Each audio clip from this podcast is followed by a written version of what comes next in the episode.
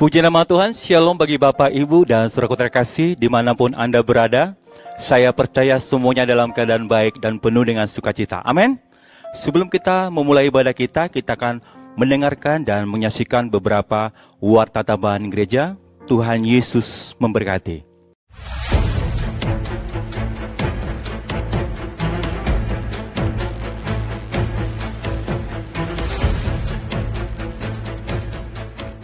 Puji nama Tuhan, melalui streaming ini kami sangat rindu menyapa Bapak, Ibu, Saudara-saudari, jemaat yang kami kasih, di mana pun Anda berada saat ini. Shalom, salam buat jemaat GBI Medan Serang, luar biasa. Salam jemaat GBI Tabernacle of David. Shalom jemaat GBI Selekta yang dikasih Tuhan Yesus. Salam jemaat GBI Pelita Nusantara. Shalom jemaat GBI Brand City. Shalom jemaat GBI Cambridge. Pengan Jati Cimoy GBI yang limi Sinto. Shalom seluruh jemaat GBI Hotel Danau Toba Internasional. Salam jemaat GBI Rumah Persembahan, jemaat keluarga besar GBI Medan Plaza yang ada di Medan maupun yang berada di luar kota Medan. Bapak Ibu Saudara-saudari yang kami kasihi, walaupun untuk sementara waktu ini kita tidak bisa bertemu, namun dengan tidak mengurangi hadirat Tuhan, kita tetap bisa beribadah secara online atau streaming di rumah kita masing-masing. Kita dapat bersama seluruh keluarga untuk memuji, menyembah, berdoa, dan merenungkan firman Tuhan. Besar harapan kami semua kita tetap bisa mengikuti ibadah online ini dari awal sampai doa berkat. Di kesempatan ini kami informasikan jadwal sepekan ibadah streaming. Bapak Ibu mohon dicatat tanggal dan waktunya, bisa difoto atau screen capture melalui HP yang Anda miliki, boleh saat ini atau nanti setelah ibadah ini selesai. Untuk jadwal ibadah raya minggu dengan berbagai bahasa termasuk ibadah anak, dapat juga dilihat di layar saudara. Silakan dicatat juga tanggal dan waktunya. Ibadah-ibadah ini akan tayang pada jam-jam yang telah ditentukan dan tidak ada batasan waktu untuk kemudian apabila Bapak Ibu ingin menyaksikannya lagi.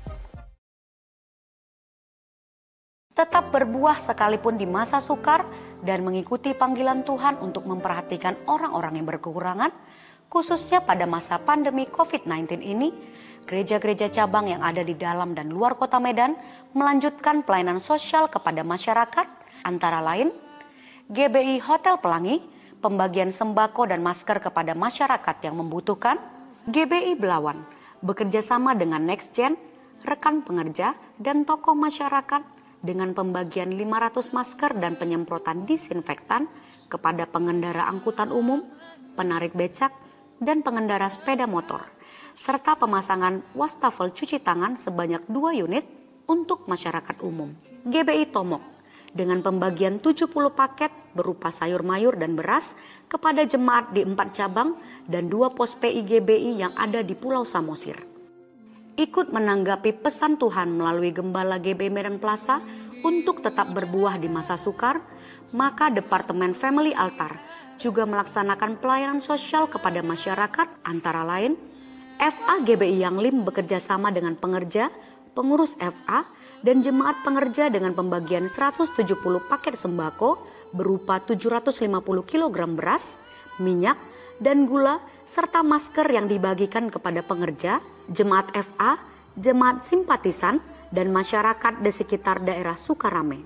FA Peduli Kasih Pos PI Medan Permai berupa APD kepada rumah sakit di Gorontalo, rumah sakit Meta Medika di Sibolga, Puskesmas Tewang Pajangan di Kabupaten Gunung Mas, Kalimantan Tengah. Selanjutnya YSKI yang merupakan perpanjangan tangan dari GBI Medan Plaza dalam pelayanan sosial kepada masyarakat juga memberikan pelayanan pemberian bantuan APD berupa baju hazmat, masker, sepatu boot, sarung tangan, hand sanitizer, pelindung muka, kacamata, termogan, dan vitamin pada tanggal 10 sampai 22 April 2020 yang disalurkan kepada berbagai puskesmas dan rumah sakit. Di samping itu, dalam pelayanan sosial kepada masyarakat juga memberikan pelayanan bantuan paket sembako berupa beras, gula, minyak goreng yang disalurkan kepada penyandang tunanetra sebanyak 275 paket melalui Ketua Pertuni Sumut Bapak Korul Batubara dan penyandang disabilitas dan pemulung sampah di TPA Bandar Kalipah sebanyak 100 paket. Terima kasih kepada seluruh donatur, jemaat, dan pengerja yang telah bersama-sama menggenapi panggilan Tuhan untuk menaruh belas kasihan kepada orang-orang lemah. Bersatu kita menjadi berkat bagi sesama dan menyinarkan terang Kristus bagi kota dan bangsa kita. Dalam masa kita banyak di rumah saja, mari ikuti seri pengajaran kisah Ayub bersama Bapak Dr. Insinyur Jarod Wijanarko, MPDK, setiap Selasa dan Rabu pukul 18.30 WIB dengan tayangan perdana tanggal 28 April 2020. Ditayangkan secara premier di YouTube channel dan fanpage Facebook Keluarga Besar GBI Medan Plaza. Kami sampaikan bahwa pelayanan doa pastoral konseling atau informasi seputar pelayanan tetap ada 24 jam. Dan kami siap melayani Bapak Ibu dengan menghubungi call center gereja di nomor telepon 0811 615 8889 atau 0811 617 1122 untuk informasi selengkapnya dapat juga diakses dari akun keluarga besar GBI Medan Plaza di media sosial seperti Facebook dan Instagram. Sehubungan dengan adanya keinginan dari jemaat untuk berkontribusi memberikan persembahan, maka di sini juga kami sampaikan informasi tentang nomor persembahan. Bank BCA nomor rekening 8195 881 681 atau melalui e-wallet dan mobile banking dengan memindai atau scan QR code yang kami tampilkan di layar ini. Mari Bapak Ibu doakan terus agar keadaan semakin baik sehingga tiba saatnya kita kembali bersama-sama di gereja yang kita cintai seperti sedia kala. Physical distancing memberikan kita banyak waktu untuk berkumpul bersama keluarga, mari pergunakan kesempatan ini untuk membangun mesbah yang sebesar-besarnya di rumah kita masing-masing. Saat ini siapkan hati dan seluruh keberadaan kita dan kita akan masuk dalam ibadah bersama-sama untuk menikmati hadirat Tuhan. Salam, Salam sehati, Salam satu Tuhan beserta kita.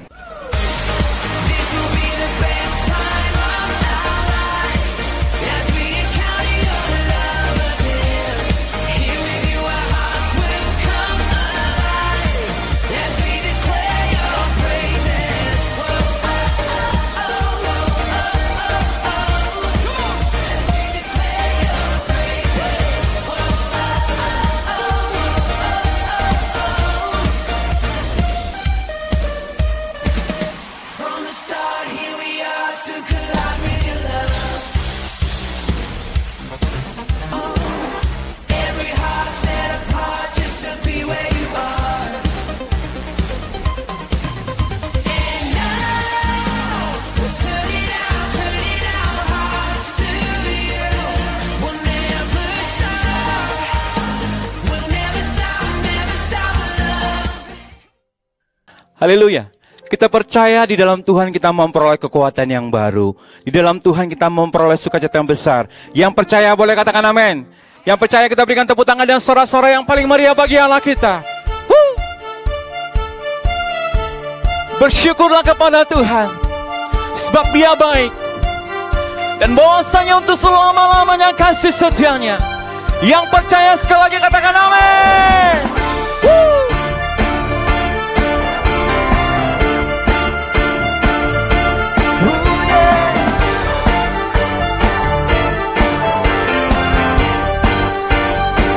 Mari dengan segenap hati. Bersyukurlah kepadanya. Bawalah pujian baginya Karena dia Raja. Oh, Dia yang perkasa. Tuhanlah kekuatanku. Masmur dan keselamatanku. Dia penolongku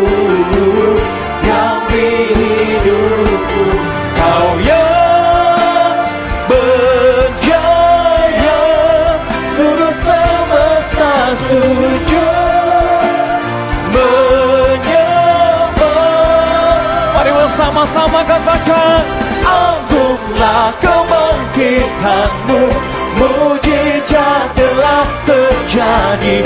Junjung kasih anugerahmu Kekal dan mulia.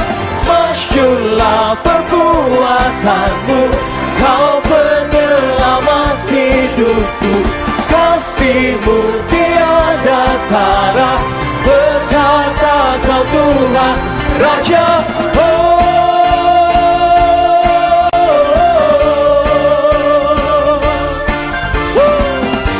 Boleh sama-sama tepuk tangan yang paling meriah bagi Allah kita. Katakan bersyukurlah. Bersyukurlah kepadanya Bawalah pujian bagi dia Karena dia Raja Katakan dengan iman Tuhanlah kekuatanku Mazmur dan keselamatanku Ya penolongku Yang hidupku Kau yang berjaya Suruh semesta sujud semuanya bersama-sama katakan Agunglah kebangkitanmu Mujizat telah terjadi Junjung kasih anugerahmu Kekal teguh dan mulia Masyurlah perbuatanmu Kau penyelamat hidupku Kasihmu tiada tara kau Tuhan Raja.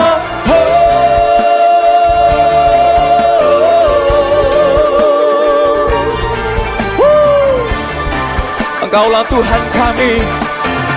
Engkaulah Raja kami. Yesus Kristus Allah yang kami percaya. Woo! Boleh sama-sama tepuk tangan bagi Allah kita yuk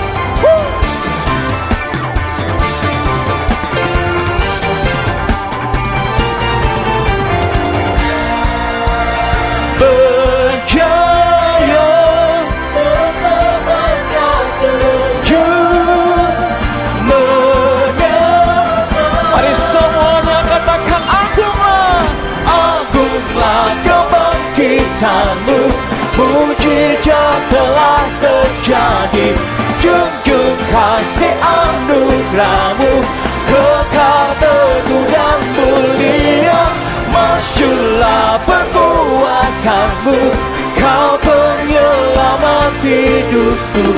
Kasihmu tiada tara Betapa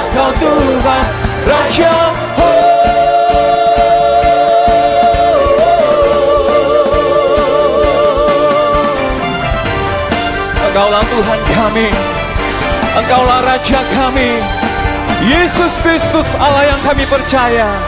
Yang percaya katakan amin. Yang percaya serahkan haleluya. Terima kasih Tuhan. Engkaulah sumber kekuatan kami. Engkaulah tempat perlindungan kami. Allah yang kami percaya. Terima kasih ya Tuhan Yesus. Haleluya Betapa dahsyat Engkau Tuhan. Pencipta segala yang ada. Dulu sekarang sampai selamanya. Hanya Engkau Tuhan. Mari dengan segenap hati katakan Tak terselami pikiranmu. Tak terukur panjang setiamu. Dulu sekarang sampai selamanya. Hanya Engkau Tuhan. Mari sembah dia. Ku sembah Yesus hanya Engkau Allah di hidupku. Tiada yang lain hanya Kau hanya Engkau Tuhan. Selamanya Kau tetap Allah walau dunia. Semua bergoncang. Tak tergoyahkan kau tetap Allah? Mari yang wanita saja angkat pujian ini katakan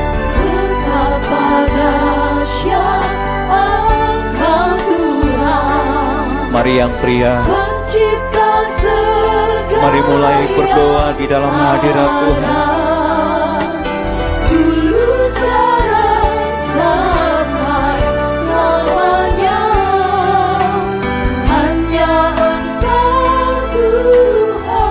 Mari bersama-sama dengan segenap hati. Tak terselami pikiranmu Tak terukur panjang setiamu Dulu sekarang sampai selamanya. Hanya engkau Mari dengan segenap hati katakan Sembah engkau Yesus. Hanya engkau Allah di hidupku. Tiada yang lain Hanya kau. Hanya engkau Tuhan. Selamanya kau tetap Allah Walau dunia. Semua bergoncang. Tak tergoyahkan kau tetap Allah Mari bersama-sama lebih lagi katakan Ku sembah engkau Yesus Hanya engkau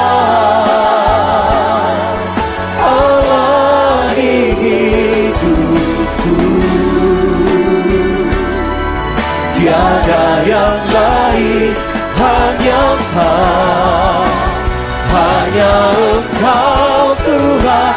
Selamanya kau tetap Allah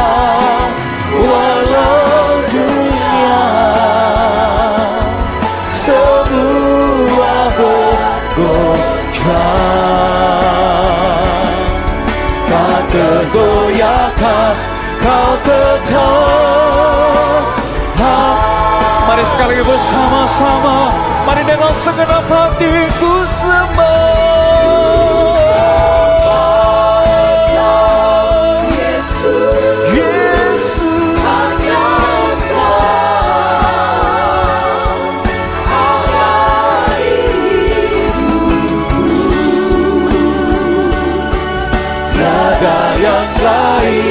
Hanya kau.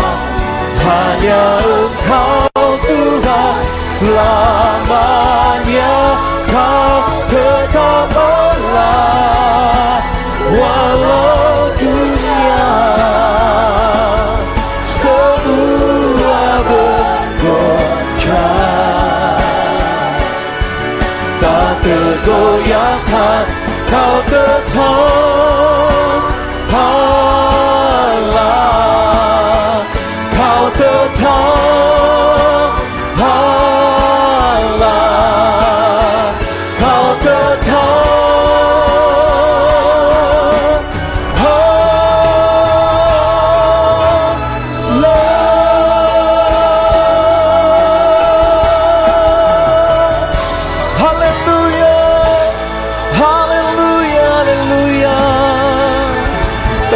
Dan sorak-sorak yang paling meriah bagi Allah kita.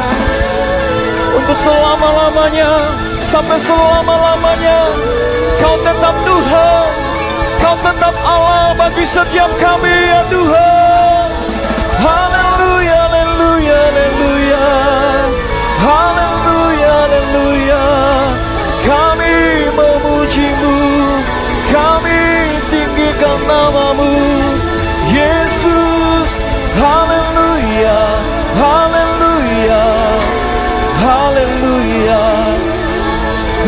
kasih Terima kasih. Bagimulah segala pujian. Bagimulah segala hormat dan kemuliaan. Kekal untuk selama-lamanya Tuhan. Terima kasih ya Tuhan Yesus. Kau dahsyat ya Tuhan. Kau luar biasa bagi setiap kami. Terpujilah namamu ya Tuhan. Hanya di dalam nama Yesus kami berdoa dan bersyukur. Mari setiap umat Tuhan yang percaya Dan yang bersuka cita bersama-sama dengan saya katakan Amin Baik puji nama Tuhan kita akan mendengarkan Penyampaian firman oleh Bapak Pendeta Daniel Hedrata Tuhan Yesus memberkati Shalom jemaat yang terkasih dalam nama Tuhan Yesus Kristus. Suatu kehormatan tentunya sekali lagi kita dapat berjumpa. Memang benar dalam kondisi yang sangat berbeda di mana kita tidak bisa dapat bertatap muka secara langsung. Namun saya percaya bahwa ini tidak mengurangi kebaikan Tuhan dalam kehidupan kita sekalian. Dalam kondisi apa pun juga saya berdoa biarlah damai sejahtera Tuhan terus memerintah dalam kehidupan saudara. Sebelum kita menerima firman Tuhan, saya mengajak setiap daripada jemaat sekalian untuk berdoa bersama-sama dengan saya. Mari kita berdoa. Bapak dalam nama Tuhan Yesus Kristus, kami percaya bahwa Engkau adalah Tuhan yang baik. Ada tertulis dalam firman-Mu Bapa bahwa dua tiga orang berkumpul di dalam namamu, Engkau hadir di tengah-tengah kami. Dan Engkau adalah Tuhan yang besar, Engkau tidak dapat dibatasi oleh ruang dan waktu. Tuhan, apabila kami akan mendengarkan kebenaran firman-Mu, biarlah firman-Mu berbicara buat kami. Firman-Mu adalah kehidupan, dan Tuhan biarlah siapa pun daripada kami yang menerima kehidupan daripada Engkau ini Tuhan. Kami akan berdampak walaupun dalam kondisi yang very unusual, dan kami percaya Engkau memerintah. Dan biarlah damai sejahteramu tetap bersama dengan kami. Pengurapanmu bersama dengan lidah dan bibir hambamu, dan juga kepada siapa pun yang mendengarkan firman ini, hidup mereka akan mengalami kekuatan dan hidup mereka akan diubahkan. Di dalam nama Tuhan Yesus Kristus kami berdoa dan mengucapkan syukur. Yang percaya bahwa Tuhan baik bersama dengan saya katakan, amin, haleluya. Jemaat sekalian nama saya adalah Pastor Daniel Hendrata. Dan hari ini ada suatu kesempatan yang baik, saya ingin membawakan satu kebenaran firman Tuhan dengan judul yaitu Managing Setback atau menanggulangi kemunduran. Nah kita tahu bahwa di dalam musim COVID-19 atau pandemik ini, tentunya ada banyak sekali kemunduran dalam kehidupan kita. Misalnya hari-hari ini ada banyak daripada uh, jemaat sekalian, uh, Anda nggak bisa bekerja secara normal. Uh, misalnya anak-anak Anda juga harus uh, bahkan homeschool secara terpaksa atau sekolah di rumah. Bahkan uh, misalnya kita nggak bisa bergereja seperti biasanya. Namun saya percaya bahwa apa pun dalam kehidupan ini selama masih ada nafas kehidupan di dalam kehidupan kita, ini yang saya percayai bahwa Tuhan belum selesai. Kalau Tuhan belum selesai daripada dari uh, bersama dengan kehidupan kita, apa pun boleh terjadi di muka bumi ini. Namun kita uh, masih dipercaya oleh Tuhan untuk tetap berdampak daripada kehidupan ini. Ada satu kisah dalam Alkitab yang saya ingin terbahkan, yaitu tentang kehidupan Daud. Daud adalah seseorang hamba Tuhan yang luar biasa. Dan Daud pun ternyata pernah mengalami kemunduran loh di dalam kehidupannya. Yuk kita lihat bersama-sama dengan saya, buka Alkitab uh, jemaat sekalian. Kita melihat bersama-sama daripada kitab 1 Samuel pasal 30. Kita melihat ayat yang pertama sampai dengan ayat yang ke-8. Ya, 1 Samuel pasal 30 ayat yang pertama sampai dengan ayat yang ke-8. Kita baca dengan suara yang keras dan nyaring. Dua, tiga. Ketika Daud serta orang-orangnya sampai ke Siklak, pada hari yang ketiga, orang Amalek telah menyerbu tanah Negeb dan Siklak. Siklak telah dikalahkan oleh mereka dan dibakar habis. Perempuan-perempuan dan semua orang yang ada di sana, tua dan muda, telah ditawan mereka dengan tidak membunuh seorang pun. Mereka menggiring sekaliannya kemudian meneruskan perjalanannya. Ayat 3. Ketika Daud dan orang-orangnya sampai ke kota itu, tampaklah kota itu terbakar habis. Dan istri mereka serta anak mereka yang laki-laki dan perempuan telah ditawan. Lalu menangislah Daud dan rakyat yang bersama-sama dengan dia itu dengan nyaring. Sampai mereka tidak kuat lagi menangis. Ayat 5. Juga kedua istri Daud ditawan, yakni Ahinoam, perempuan Yisrael, dan Abigail, bekas istri Nabal, orang Karmel itu. Dan Daud sangat terjepit karena rakyat mengat- mengatakan hendak melempari dia dengan batu. Seluruh rakyat itu telah pedih hati masing-masing karena anaknya laki-laki dan perempuan. Tetapi Daud menguatkan kepercayaannya kepada Tuhan Allahnya. Ayat 7. Lalu Daud memberi perintah kepada Imam Abiatar bin Ahimelek. Bawalah efod itu kepadaku. Maka Abiatar membawa efod itu kepada Daud. Kemudian bertanyalah Daud kepada Tuhan. Katanya, haruskah aku mengejar gerombolan itu? Akan dapatkah mereka kususul? Dan ia berfirman kepadanya, kejarlah, sebab sesungguhnya engkau akan dapat menyusul mereka dan melepaskan para tawanan. Jemaat yang terkasih dalam nama Yesus, Daud adalah seseorang pahlawan yang gagah berani. Ya, dia seorang raja yang tidak bisa dipandang remeh atau enteng. 40 tahun Daud itu memerintah kerajaan Israel dan sekalipun dia tidak pernah mengalami kalah perang. Mungkin jemaat bertanya dengan saya, bagaimana dengan Siklak ini? Bukankah dia kalah? Nah jemaat sekalian perlu kita ketahui bahwa yang pertama, Siklak ini adalah kondisi di mana Daud sebelum dia memerintah sebagai raja. Sepertinya ini adalah ujian yang terakhir eh, sebelum dia kemudian diangkat benar-benar menjadi raja. Jadi ada satu proses kehidupan di mana dia menerima urapan. Eh, masih ingat ya, Nabi Samuel dikirim oleh Tuhan untuk mengurapi dia untuk menjadi raja. Namun Daud tidak langsung menjadi raja loh. Perlu waktu sekian tahun sampai akhirnya dia mengalami ujian demi ujian eh, dan kemudian sampai akhirnya siklak ini. Nah ternyata ini yang menarik. Setelah siklak, kemudian akhirnya Daud itu memperoleh kemenangannya dan kemudian dia benar-benar diangkat resmi menjadi raja atas Israel. Nah, namun demikian mari kita lihat apa yang terjadi di Siklak. Nah, Siklak ini adalah adalah satu satu tempat di mana ujian terakhir Daud. Nah, bukankah ini mirip sekali dengan kehidupan eh, para jemaat sekalian dan kita semua nih ya. Ada satu ayat firman Tuhan dikatakan bahwa seluruh daripada saudara-saudaramu seiman seluruh muka bumi ini sekarang mengalami masalah yang sama ya, yaitu masalah pandemik, masalah COVID-19, kita semua bangun tidur, kita selalu istilahnya pengen tahu ada ada kondisi apa di luar sana gitu ya. Kadang-kadang malam kita udah tidurnya juga nggak nyenyak. Dan saya percaya ini bukan cuma jemaat sekalian kok. Jujur bicara nih ya, saya eh, beberapa minggu terakhir ini kalau malam juga nggak selalu bisa tidur nyenyak gitu ya. Kadang-kadang memang ada mimpi buruk terjadi, kemudian bahkan nih eh, istilahnya kami tinggal di suatu tempat yang tidak terlalu besar, sebuah apartemen di Jakarta gitu ya. Ada istri saya, ada anak kami satu, anak kami ada dua, yang satu ada di Singapura, lagi kuliah dan tentunya dia saat ini juga nggak bisa pulang karena ini adalah akhir daripada semesternya dia. Nah ini yang menarik, anak saya pun eh, masih berumur 10 tahun dan dia juga nggak bisa tidur nyenyak gitu ya. Kalau saya tidurkan dia dan kemudian istilahnya eh, kalau dia dia udah tidur saya akan tinggal dan saya akan pindah ke kamar saya. Eh dua jam kemudian dia bangun gitu ya.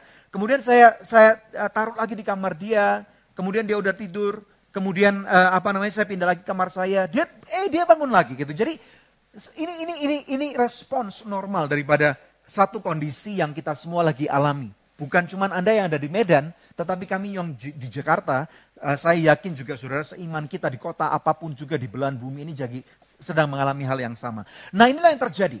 Ya, jadi Daud pun mengalami masalah yang sangat besar di Siklak.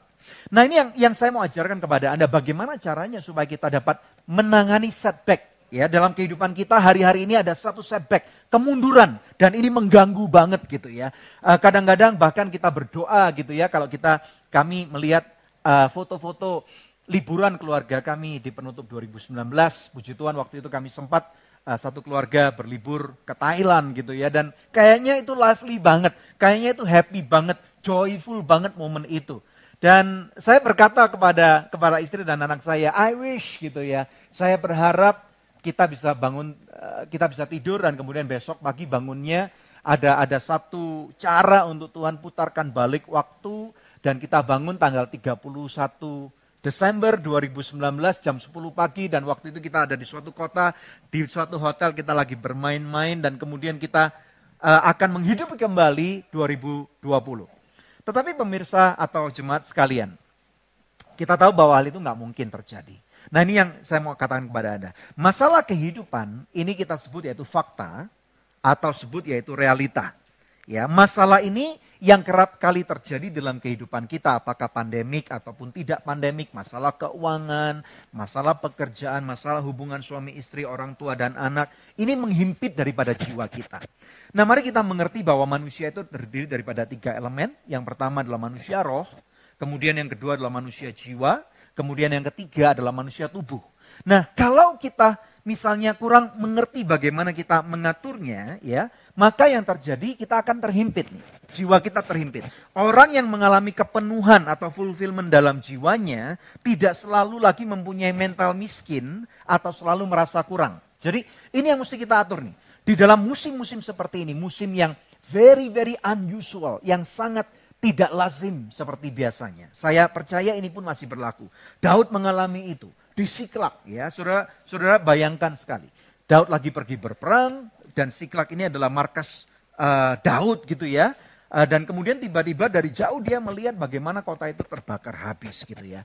Daud dikelilingi oleh orang-orang yang sangat perkasa, orang-orang yang sangat hebat, tetapi dari sana kita dapat melihat bahwa satu masalah ini akan dapat menimbulkan yang namanya reaksi atau respons.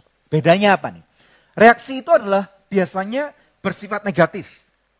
Kita ngomongnya marah, kita menjerit, ada orang yang bahkan bereaksi dengan cara membanting sesuatu, ada orang yang bereaksi dengan memukul orang lain, ada orang yang bereaksi dengan makan banyak misalnya ya. Uh, heran ya, uh, punya masalah makan banyak karena apa? Ternyata para pakar mengatakan seseorang yang makan banyak pada waktu dia dia istilahnya uh, menghadapi masalah, misalnya makan coklat, makan manis-manis gitu ya. Ini menimbulkan endorfin di dalam uh, otaknya dan kemudian menimbulkan rasa tenang. Cuman ini bukan masalahnya, bukan cara yang baik untuk dealing with problem karena tentunya ini akan berhubungan dengan badan saudara dan akan menjadi lebih melar gitu. So be very very careful di masa pandemik ini. Ya, ada bahkan orang yang berkata Uh, bukan cuma di luar rumah kita perlu pakai masker. Kalau bisa di dalam rumah kita pakai masker juga. Tujuannya apa? Supaya kita nggak makan terus. ya. Nah inilah, kita harus belajar untuk berurusan dengan bagaimana kita tidak bereaksi. Merespon itu apa? Merespon ini biasanya lebih bersifat positif. Nah coba kita lihat ada beberapa orang nih di Siklak. ya uh, Pada waktu saya, saya berbicara itu Daud bersama dengan orang-orangnya. Uh, semua mengalami masalah yang sama. Daud pun juga kena masalah, uh, anak buah Daud juga pernah mengalami lagi mengalami masalah yang sama dan bahkan orang-orang uh, hebat yang biasanya mengiring Daud itu bahkan mengancam akan membunuh Daud gitu ya. Kenapa ini? Saya ngikut kamu. Kok bukannya berkat yang saya dapat tapi seakan-akan kok kutuk gitu loh. Ini yang terjadi. Jemaat sekalian ya. Um, mereka dikatakan mereka ingin membunuh Daud. Dan ini adalah suatu reaksi yang tidak baik. Tetapi ada satu respons yang sangat penting yang yang yang Daud tunjukkan Ya, hari-hari ini kami juga lagi ngajarin uh, anak kami ya. Kadang-kadang kalau anak udah lebih gede gitu ya, uh, dipanggil satu kali namanya nggak jawab gitu ya. Dua kali sampai sampai kami di rumah harus teriak kepada dia ya. Dan kalau kami udah teriak, kadang-kadang kami harus ambil bukunya atau mainannya atau kami matikan TV yang dia tonton. Kemudian anak kami akan berkata, I'm listening. Aku dengerin kok. Saya ajarin dia gini. You know what? Kamu tahu nggak? Nggak ada orang yang peduli kamu dengar atau enggak. Karena kalau kamu dengar, itu untuk kamu sendiri. Tetapi kamu perlu menunjukkan respon. Ya, kalau kamu menunjukkan respon, kalau kamu menjawab, maka mami daddy akan tahu bahwa kamu pasti mendengar. Jadi Jemaat sekalian, marilah kita belajar untuk meresponi hal yang positif di dalam kehidupan kita. Nah, kita lihat nih ada dua macam orang. Jadi orang-orang yang bereaksi negatif, mereka menangis, menjerit, mereka bahkan mengancam Daud, mereka bahkan mau membakar Daud dan yang lain-lain. Tetapi respon daripada Daud ini luar biasa banget gitu ya. Uh, ayat 6, coba kita lihat. 1 Samuel 30 ayat 6 tadi. Dan Daud sangat terjepit. Jadi Daud pun orang yang yang meresponi itu bisa sangat terjepit sekali gitu ya. Jadi jiwanya terjepit. Ada apa yang terjadi dengan dengan tubuhnya dan rohnya juga terjepit gitu ya. Tetapi Daud pada waktu di tengah-tengah terjepit ini, dia juga merasakan satu kepedihan di dalam hatinya, ya. Tetapi yang menarik banget, sesuatu yang menarik gini nih, dikatakan seperti ini. Daud sangat terjepit karena rakyat mengatakan hendak melempari dia dengan batu. Seluruh rakyat itu telah pedih hatinya. Coba ya, ini jadi semua orang mengalami hal yang sama. Masing-masing karena anaknya laki-laki dan perempuan. Yang menarik ini, tetapi Daud menguatkan kepercayaannya kepada Tuhan Allahnya. Saya tidak tahu bagaimana kondisi Anda pra pandemik. Kalau Anda mempunyai hubungan yang sehat, yang baik dengan Tuhan sebelum terjadinya semua masalah besar ini, bukannya berarti Anda tiba-tiba bebas. Ya. All things works together for good. Walaupun jujur bicara, saya juga nggak tahu kok eh, kebaikan daripada semua ini apa gitu ya, belum bisa melihat. Tetapi beberapa artikel yang kita lihat eh, kota di mana saya tinggal di Jakarta itu polusinya luar biasa, tapi hari-hari ini polusi Jakarta udah mereda. Foto-foto yang yang berseliweran di artikel-artikel eh, kota-kota di India itu polusinya mereda. Jadi ada ada slide barnernya gitu ya. Uh, dan itu kelihatan banget di di negara-negara yang lain pun juga demikian. Uh, apa namanya biasanya gunung pegunungan Himalaya yang udah udah udah puluhan tahun nggak terlihat gitu ya dari kota yang cukup dekat sekarang tiba-tiba udah kelihatan lagi cantiknya. Ternyata ini seperti satu reset button gitu ya jemaat sekalian bahwa Tuhan sedang bekerja mendatangkan kebaikan walaupun saat ini kita nggak mengerti. Nah, bagaimana respon Daud? Ya, dia memberi mem- menguatkan kepercayaannya kepada kepada Tuhan. Jadi apa pun ibadah yang sebelum pandemik ini Anda pernah lakukan, kadang-kadang kita nggak ngerti loh. Ngapain gua baca Alkitab terus? Ngapain gua ke gereja terus? Ngapain terus gua misalnya terus eh, diam dalam kumpulan orang-orang benar? Kadang-kadang kita nggak melihat faedahnya. Tetapi now, sekarang, saudara akan melihat faedahnya. Saudara akan belajar daripada meresponi seperti Daud bahwa dia menguatkan kepercayaannya kepada Tuhannya. Yang percaya katakan amin. Yang percaya katakan amin. Yang percaya coba di tempat sosial media Anda menyaksikan kebaktian ini Anda ketik saya mau menguatkan kepercayaan saya kepada Tuhan saya. Amin ya. Ayat 7. Lalu Daud memberi perintah kepada Imam Abiatar bin Ahimelek, bawalah efod itu kepadaku. Ingat ya, ini di dalam perjanjian lama, efod itu adalah salah satu elemen bagaimana mereka mau membangun relasi dengan Tuhan. Tapi puji Tuhan nih, bahwa kita tidak perlu lagi pakai efod. Perjanjian lama adalah bayang-bayang atas apa yang akan terjadi di perjanjian baru.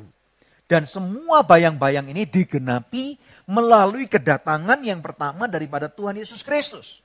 Tuhan Yesus berkata bahwa aku datang bukan untuk meniadakan hukum Taurat. Tetapi dia berkata aku datang untuk menggenapi seluruh daripada hukum Taurat itu. Pemirsa sekalian atau jemaat yang terkasih, di hukum Taurat itu di perjanjian lama itu bukan cuma 10 loh ya. Tetapi ingat ya, kalau Anda pernah berjumpa dengan saya atau mendengarkan salah satu khotbah saya, saya cukup sering mengatakan bahwa hukum Taurat itu bukan cuma 10. 10 ini adalah hukum yang Tuhan berikan kepada Musa di atas gunung Sinai, tetapi kemudian di dalam kitab uh, Imamat, Bilangan, Ulangan ini dijabarkan satu persatu oleh Musa dan jumlahnya ada 613. Coba ketik katakan hukum Taurat itu banyak ya 613. Bagaimana mungkin kita bisa uh, melakukan itu semua dan baru kita berelasi dengan Tuhan? Impossible. Makanya Tuhan Yesus berkata, aku datang bukan untuk meniadakan hukum Taurat, tetapi untuk menggenapinya. Hanya Tuhan Yesus yang sanggup menggenapi hukum Taurat. Nah makanya pada waktu di musim-musim seperti sekarang ini, kembali kepada Tuhan Yesus. Back to the Bible. Kembali, kuatkan kepercayaanmu kepada Tuhan. Nah apa yang Daud lakukan? Pada waktu dia bawa efod itu dan kemudian baru di sana Daud bertanya kepada Tuhan. Coba bangun relasi kembali kepada Tuhan dan tanyakan Tuhan, apa yang hendak engkau katakan kepadaku pada hari-hari ini. Saya sangat mendorong setiap daripada jemaat sekalian untuk mulai ambil jurnal. Ya, kalau Anda bukan tipe yang keep jurnal seperti saya, eh, pakai buku gitu ya, tetapi kita punya handphone. Kalau Anda berkata, Pak kadang-kadang bingung ya, mau nyatetnya gimana saya juga nggak bisa nulis. Rekam suara Anda. Buat voice note. ya. Jadi buat jurnal di musim-musim seperti ini, tanyakan kepada Tuhan, Tuhan apa yang Tuhan mau bicarakan kepada saya. Saudara, kita punya begitu banyak waktu pada hari-hari ini. Kalaupun saudara harus work from home atau mengajar anak saudara di rumah, tetapi saudara minimal punya 8 sampai sekarang ini punya kalau 8 jam tidur di rumah, Anda mu- kemungkinan besar masih punya sekitar 8 jam lagi. Sekarang Anda minimal ya kalau kebanyakan rata-rata yang Anda nggak bisa keluar rumah, Anda punya banyak waktu antara berapa ya? Sekitar 12 sampai 18 jam loh di rumah ya.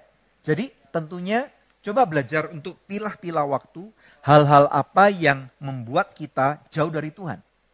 Tontonan-tontonan film yang nggak bermutu misalnya ya.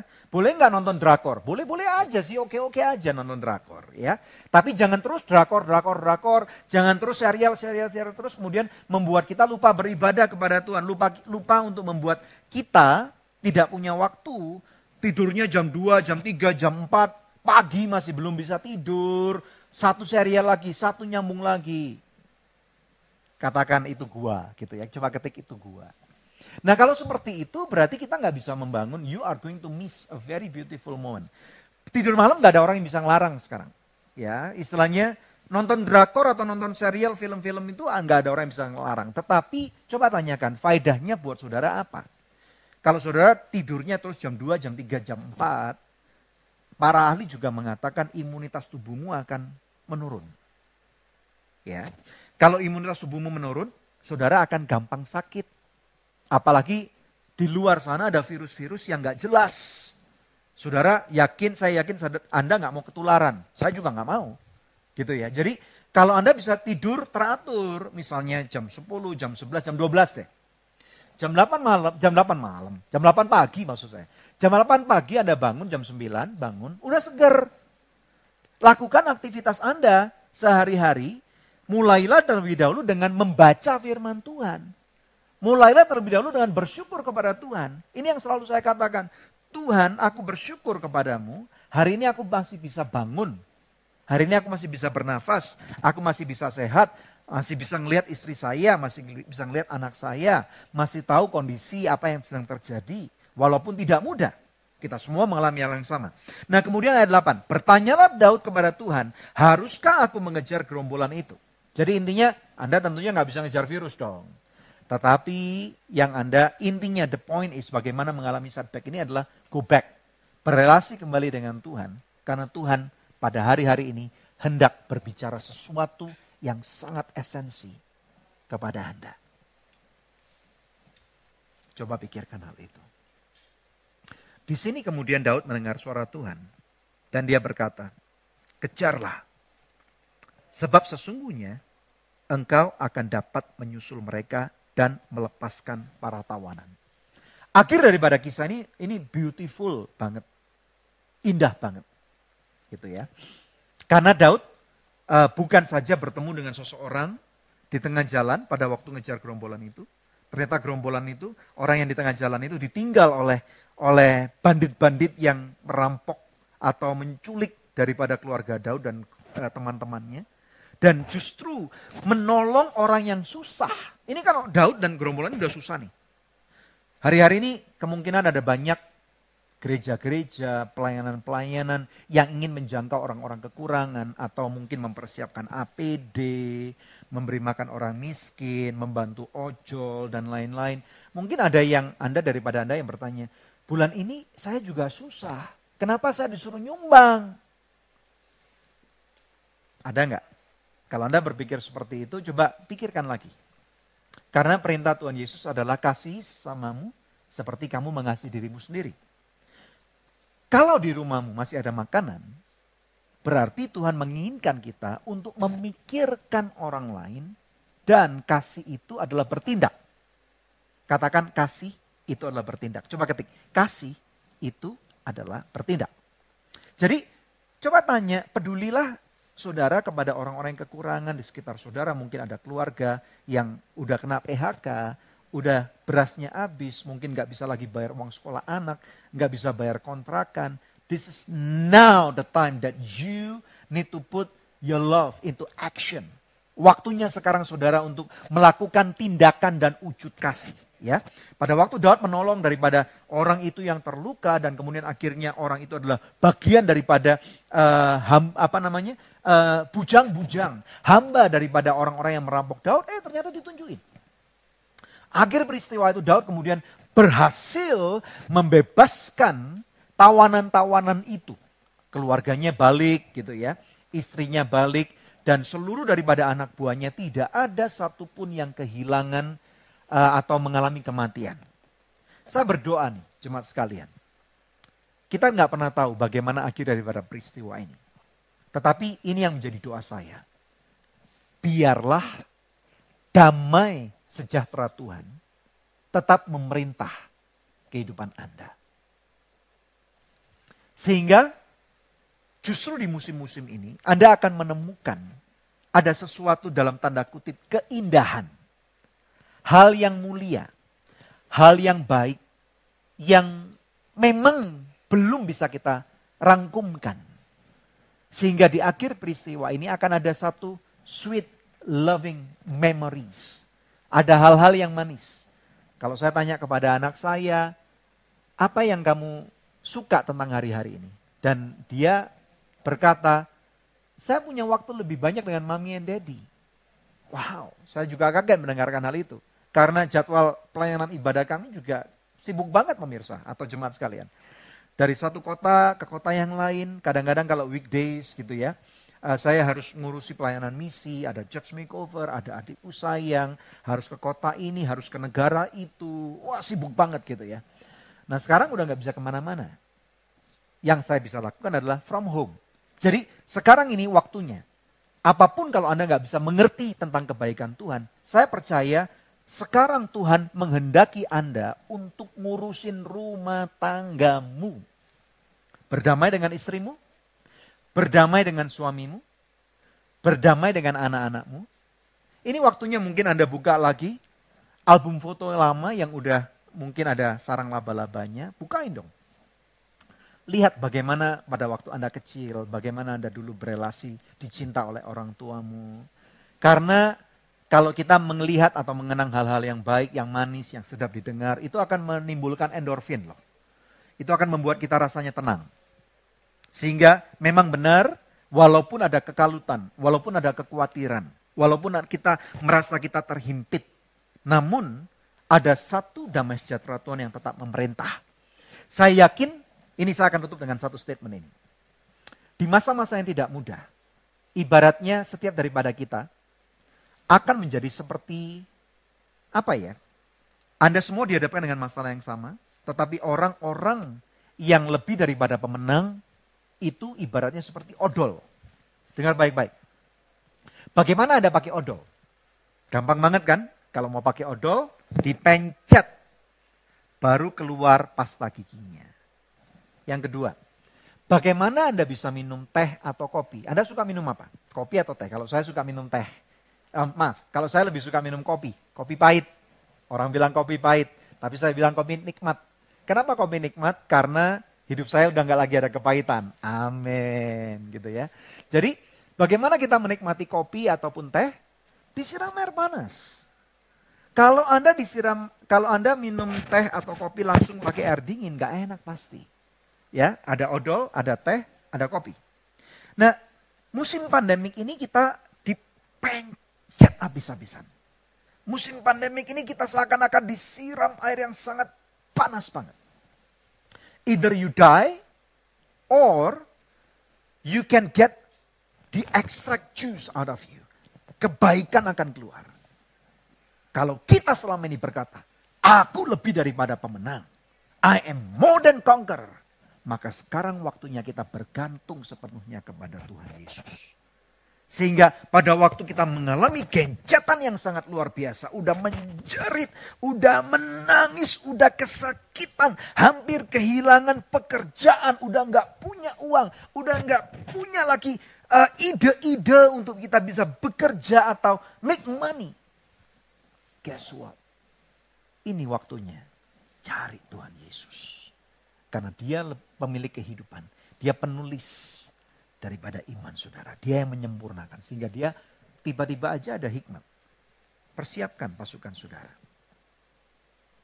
Tiba-tiba aja ada kebaikan keluar dalam kehidupan saudara. Dan saya percaya kita memang lebih daripada pemenang. Saya berdoa jemaat sekalian. Biarlah di musim ini Anda terus sehat. Jaga kesehatan Anda tentunya. Ada banyak pakar, mungkin saya yakin Anda juga sudah tahu. Nggak cuma pakai masker, nggak cuma cuci tangan. Olahraga, Betul kan?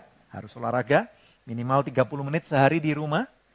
Tidur cukup, jangan tidur terlalu malam. Set waktu Anda untuk belajar disiplin. Maksimal kalau bisa tidur nggak lebih dari jam 12 malam. Oke? Bangun, jangan lebih dari jam 8 atau lebih dari jam 9 pagi. Karena Anda perlu produktif. Ya, kalaupun lagi nggak enak badan sekali sekali oke lah bangun jam 10 tapi nggak terus-terusan gitu ya. Bangun jam jam 8, bangun jam 9, kemudian mulai olahraga, berjemur, kemudian lakukan aktivitas yang Anda bisa lakukan, makan sehat, makan buah. Ya, hindari junk food. Ya, hindari makanan-makanan siap saji. Hindari makanan-makanan yang tidak membawa kehidupan. Pilih live food, ya. Jadi pilih makan buah. Hindari makanan-makanan yang banyak mengandung gula atau manis. Ya, karena ini akan menurunkan imunitas tubuh kita. Dan sekali lagi saya berdoa di akhir daripada khotbah ini. Tentunya saya berdoa biarlah firman yang dibagikan ini. Daud berhasil menaklukkan musuh-musuhnya yang menyerang dia di Siklag. Saya berdoa masing-masing Anda lebih daripada pemenang. Anda akan keluar dari pandemi- pandemik ini.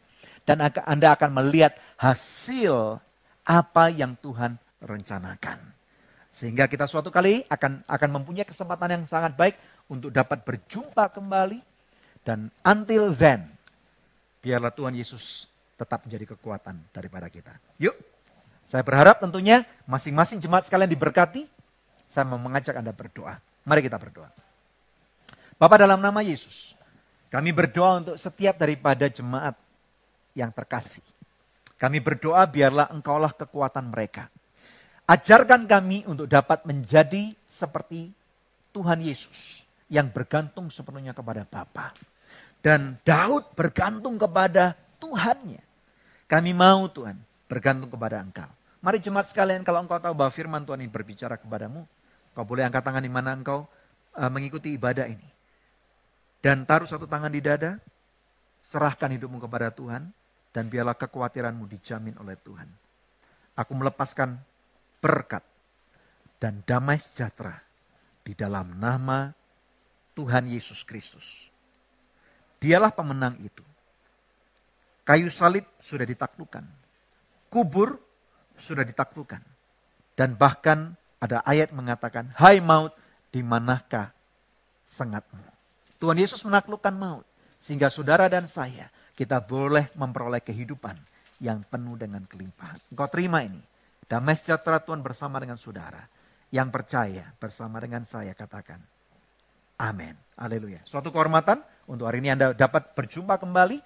Kalau Anda ingin tahu lebih dalam tentang apa yang tentunya saya lakukan, Anda dapat uh, ikuti saya di Instagram. Anda tinggal ketik at Daniel Hendrata dan biarlah setiap hal yang saya bersama dengan istri lakukan, bersama dengan tim saya, tentunya dapat juga memberkati Anda. Sampai jumpa, Tuhan Yesus memberkati.